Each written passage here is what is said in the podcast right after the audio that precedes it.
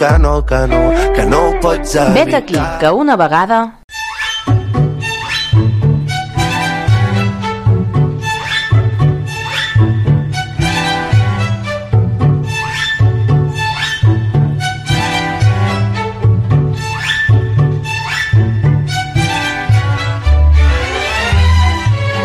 contes són històries que la nostra ment escolta i que amb la seva història ens ajuda a comprendre el dia a dia.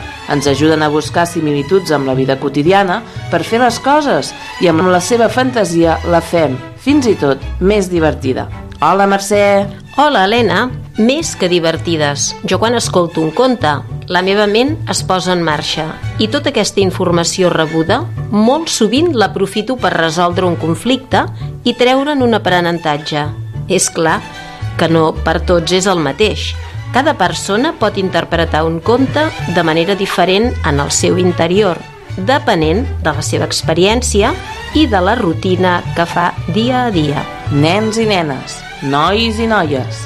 En tot cas, nosaltres, a la vostra hora del conte i gràcies a la xarxa de comunicació local, podeu gaudir d'uns bonics contes arreu de Catalunya i Andorra. I avui portem dos contes clàssics i un original creat per un dels col·laboradors del programa. I comencem amb el soldadet de plom, un conte de fades escrit per l'escriptor i poeta danès Hans Christian. Un conte que va ser publicat per primera vegada el 2 d'octubre de 1838. El dia del seu aniversari, a un nen, li regalen uns soldats de plom en una caixeta. Un d'ells només té una cama, ja que no hi havia prou metall per donar-li forma completa i acabar-lo.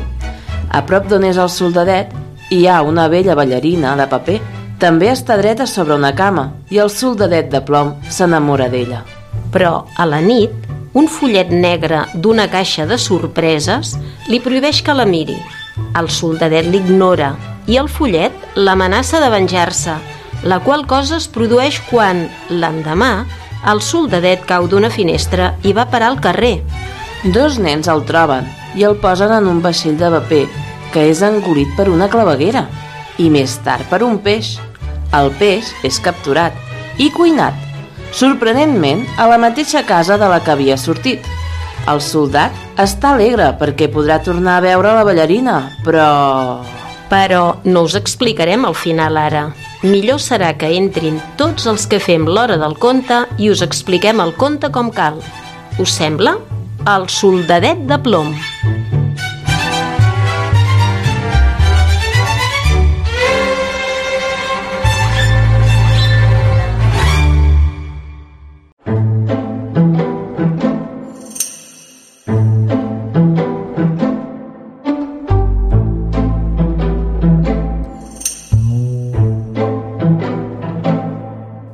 Hi havia una vegada un fabricant de joguines que va fabricar un exèrcit de soldats de plom molt drets i elegants. Cadascun portava un fusell a l'espatlla, una jaqueta vermella, pantalons blaus i un barret negre alt amb insígnia daurada al front. Com que no tenia prou plom per fer l'últim soldat, el va haver de deixar sense una cama.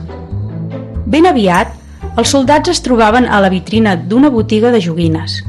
Un senyor els va comprar per regalar-los al seu fill com a regal d'aniversari. Quan el nen va obrir la caixa, en presència dels seus germans, el soldat sense cama li va cridar molt l'atenció.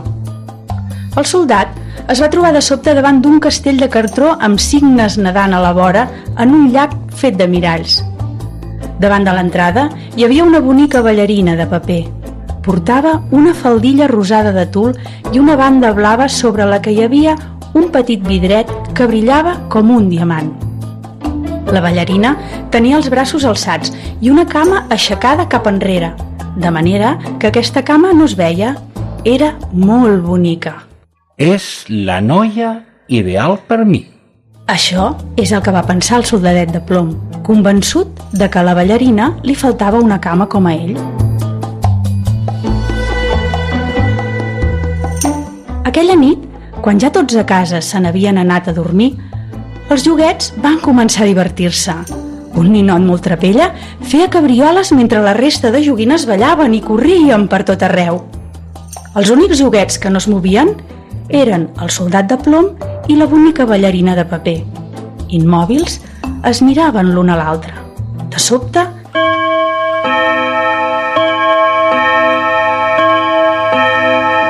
Varen tocar a les 12 de la nit. Tapa de la caixa de sorpreses es va obrir i d'ella en va sortir un fullet d'expressió malvada. Va dirigir la seva mirada al soldat i li va cridar. Tu què mires, soldat? El soldat va seguir amb la mirada fixa endavant. D'acord, no dius res, oi? Doncs ja veuràs el que et passarà demà. A l'endemà, el nen va jugar una estona amb el seu soldat de plom i després el va posar a la vora de la finestra que estava oberta. Potser fou el vent o potser fou el fullet dolent. La cosa és que el soldat de plom va caure al carrer. El nen va córrer cap a la finestra, però des del tercer pis no podia veure res. Puc baixar a buscar el meu soldat? Va preguntar el nen a la criada. Però ella s'hi va negar, doncs estava plovent a bots i a barrals. La criada va tancar la finestra i el nen va haver de resignar-se a perdre la seva joguina. A fora, uns nens del carrer jugaven sota la pluja. Van ser ells els que van trobar el soldat de plom boca terrossa, amb el fusell clavat entre les llambordes. Au, au, va, vinga, va, fem un vaixell de paper.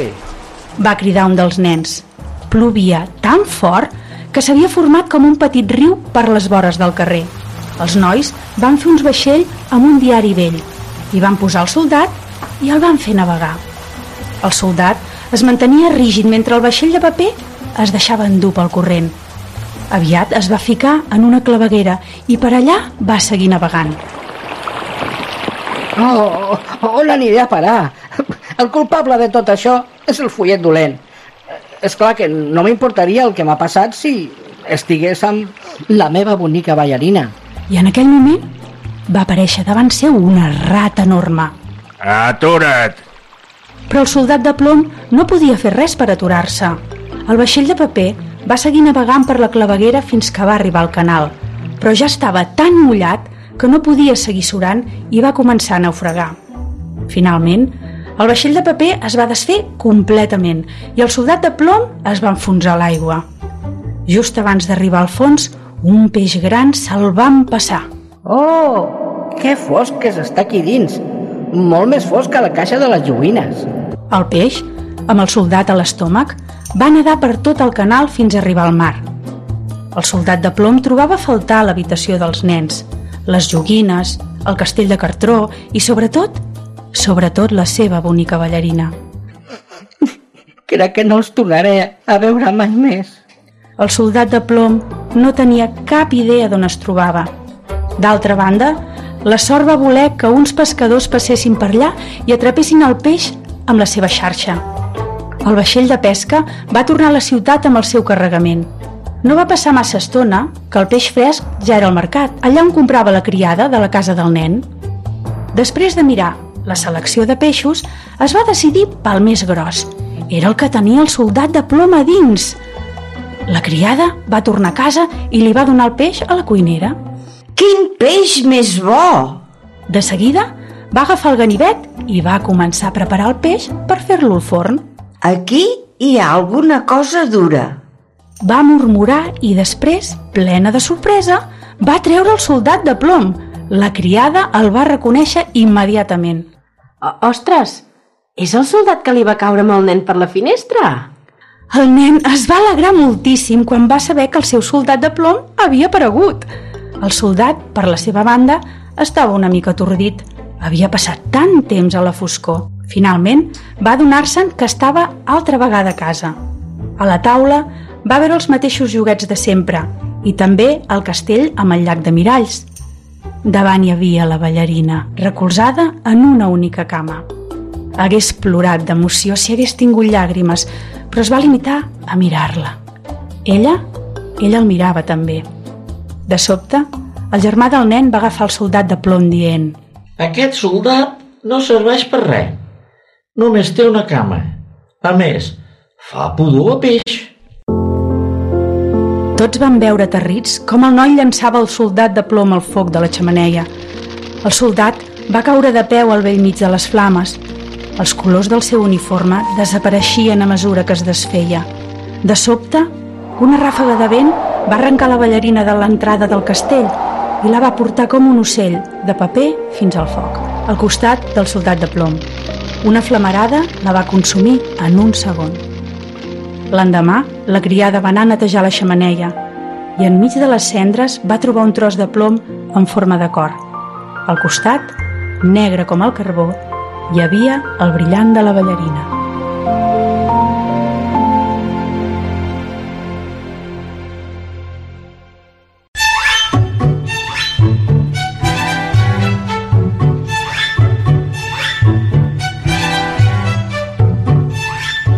Bastoners de Sant Quintí de Mediona són una colla bastonera penedesenca fundada probablement a principis del segle XIX. La primera referència escrita que se'n té és del 1818 al llibre de comptes de la confraria de Sant Roc, Sant Sebastià i la Verge de les Neus de la localitat. Des d'aquell moment, el ball ha estat actiu durant més de 200 anys, amb un únic període d'interrupció que va ser durant la Guerra Civil Espanyola. Està considerat un ball molt tradicional, ja que els vuit balls que tenen actualment, sis ja eren ballats al 1920. Una altra particularitat dels bastoners de Sant Quintí és que no ballen al ritme de la gralla, sinó que estan acompanyats per un model de flauta de bisell o flabiol. I per què us parlem dels bastoners de Sant Quintí? Doncs perquè el conte que us portem avui es diu Isona i els bastoners de Sant Quintí. L'autor, Joan Serra Armand, a banda de ser professor d'història, articulista del setmanari El 3 de 8, conferenciant en temes d'història i cultura popular, és amic i col·laborador de l'Hora del Conte i ha tingut l'amabilitat de fer l'adaptació radiofònica d'aquest conte que en principi estava pensat per un espectacle d'ombres xineses. No us volem avançar gaire cosa del conte perquè estem segurs que gaudireu de les explicacions que li fan Pinocho a Isona, navegant per tots els contes clàssics. Anem-hi?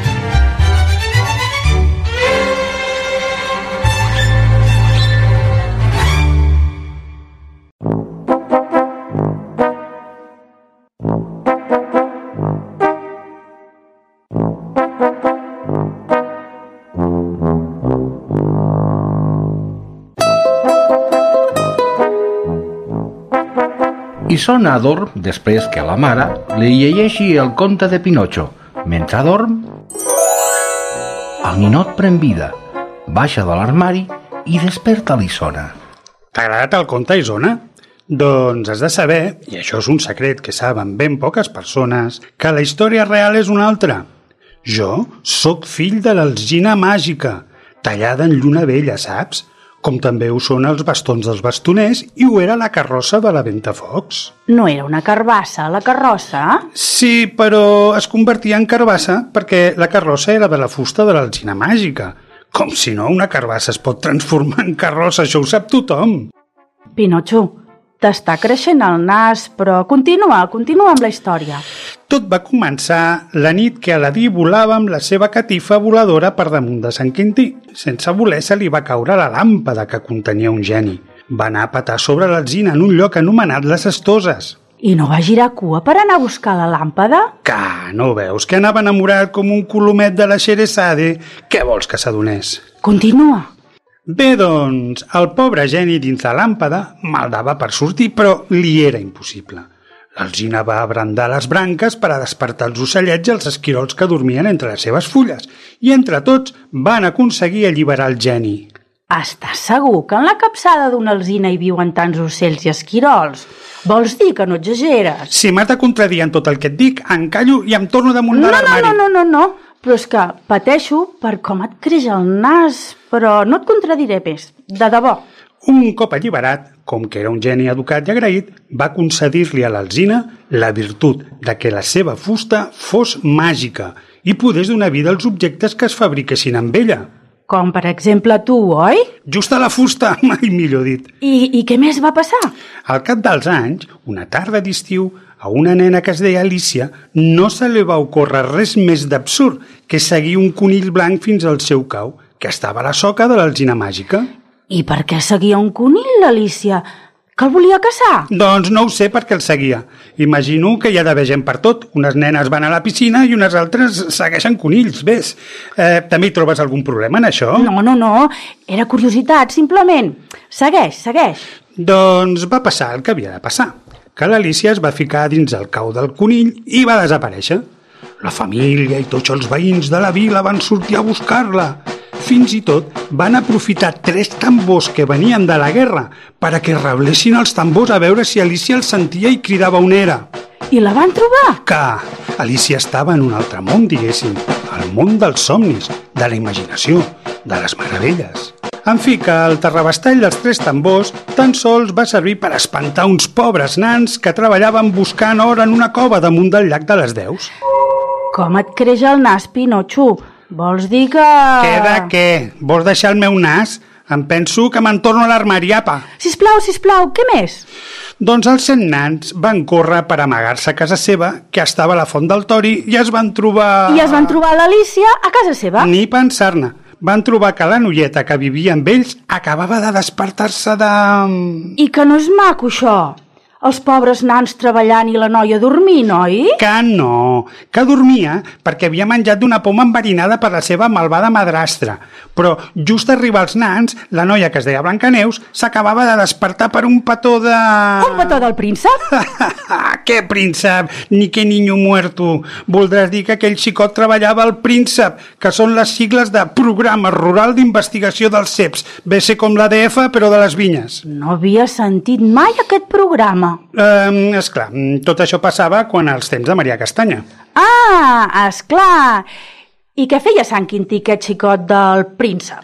Venia a petició d'un pobre llop que vivia en una vinya de Matassens. Em pensava que els llops vivien al bosc i no pas a les vinyes. Clar, però és que aquest era un llop del Penedès i és lògic que visqués en una vinya, no? Se t'ha d'explicar tot a tu.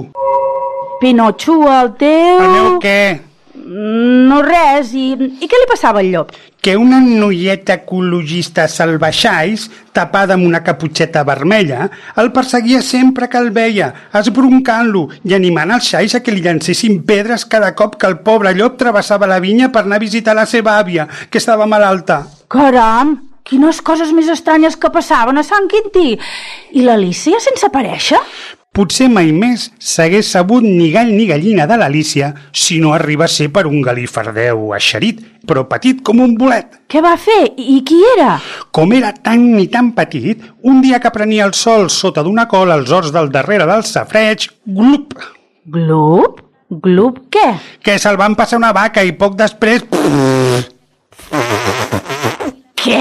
Que la vaca es va tirar un pet i el pobre galifardeu va sortir desesperat i va anar a petar a l'entrada del forat de l'alzina. Patufet!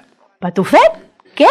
Patufet, que el nen es deia Patufet. En Patufet va avisar la gent de la vila de la troballa del forat i tothom es va posar molt content pensant que potser havien trobat la clau del misteri de la desaparició de l'Alícia. I com la van fer sortir? No era pas tan fàcil perquè ja t'he dit que ella era en un món diferent del nostre. Calia que hi baixés algú a rescatar-la, però era perillós perquè aquesta persona també podria ser engolida pel País de les Meravelles. Doncs sí que estava complicada la cosa. Com s'ho van fer? Doncs van anar a trobar un home savi que es deia Joan Amades i que era molt llegit i viatjat i els va donar la solució. Quina, quina era la solució? Calia baixar pel forat, sí, però a través d'una escala feta en fusta de la pròpia alzina màgica. I per què? Perquè només aquella fusta podia unir els dos mons, el nostre i el de les meravelles. Si algú hagués baixat el forat per unes escales fetes amb la fusta de qualsevol altre arbre que no fos l'alzina màgica, s'hagués quedat per sempre en el País de les Meravelles. No hagués pogut tornar. No se m'hauria ocorregut mai, això. I així es va fer. Els fusters de la vila van tallar bastons de l'alzina màgica, els van lligar amb cordes i van fabricar l'escala. Al cap d'una estona d'haver baixat, enmig de l'alegria de la gentada que envoltava l'alzina, van aparèixer Sants i Estalvis, en Patufet i l'Alícia. Que bé! I la gent estava tan contenta que cantava i s'abraçava i uns quants nois i noies van improvisar una dansa fent picar els bastons que havien servit per fer l'escala. I com que aquells bastons eren fets amb la fusta màgica de l'alzina, el seu so va resultar tan encisador que tothom callava i seguia la dansa amb llàgrimes als ulls, amb la pell de gallina joguina i el cor ple d'orgull de ser de la Vila Màgica, de ser de Sant Quintí.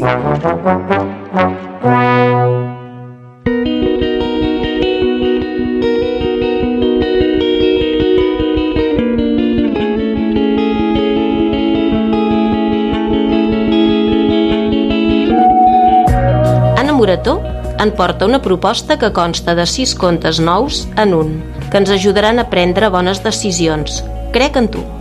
A Crec en tu es tracten temes tan rellevants com ara la perseverància per un mateix, l'avorriment, la paciència, com es pot gestionar l'enuig i el valor de les coses que importen de debò, mitjançant metàfores molt senzilles i potents.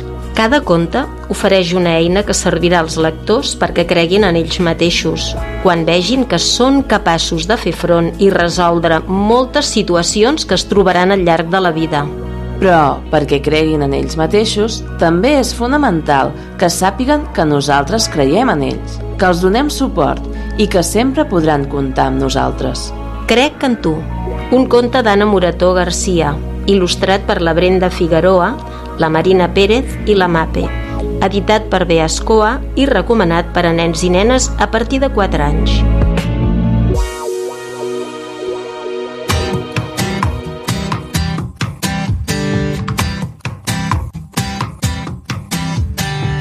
Un día más sin pensarte, un día más sin tener que justificarme, sin querer arroparte, sin querer escapar, sin disimularte. Otro más siendo libre, otro más esperando a que no vuelvas, no.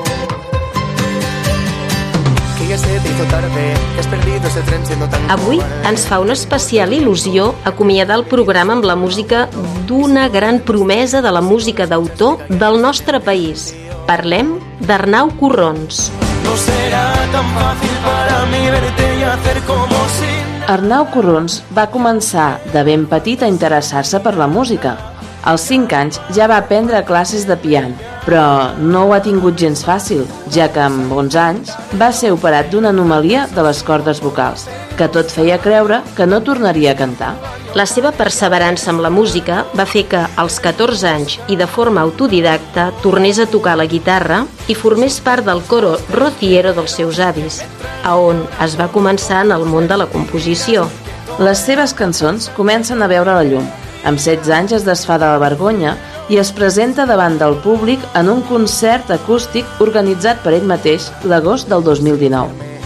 Al desembre del mateix any signa un contracte discogràfic amb Barcelona Hits Factory, publicant el seu primer single, Àngel, que compta amb més de 60.000 visites a les plataformes, sota el nom d'Arnau. Posteriorment, i sent ja Arnau Corrons, publica el seu segon senzill, Em salva la teva mirada, que deixa veure el costat més canyer. más jugamos a intentarlo.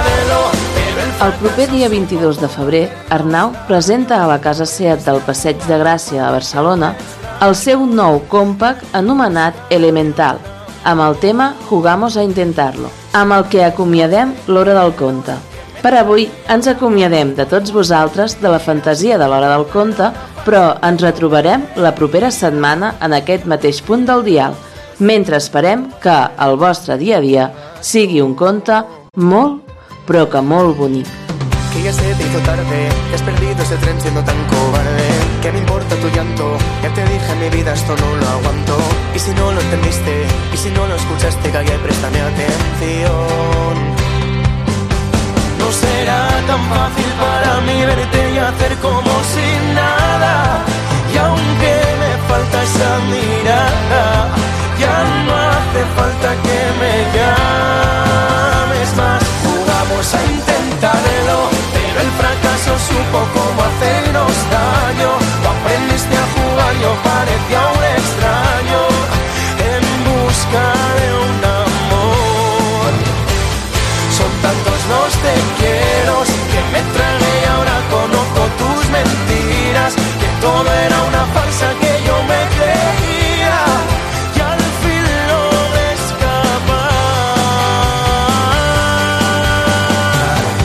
siendo firme, un más sin creerme que cambiarías. Que quizás me engañaste, que quizás conmigo jugaste algún día. Y ahora intentas que vuelva, pero escúchame bien, te lo cantaré una vez más. Tanto tiempo viviendo en una mentira con sabor a gloria que me merezco esta victoria.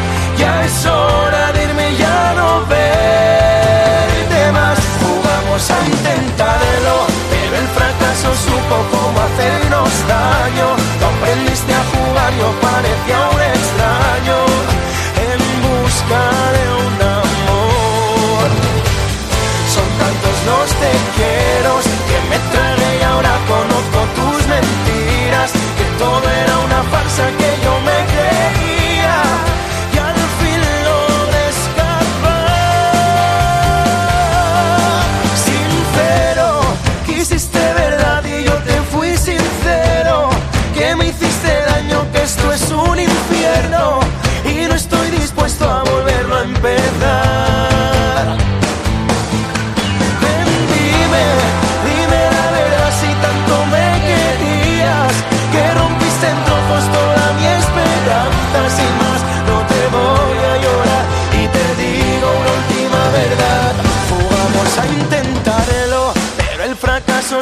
supo cómo hacernos daño. Tú aprendiste a jugar y yo parecía un extraño en busca de un amor.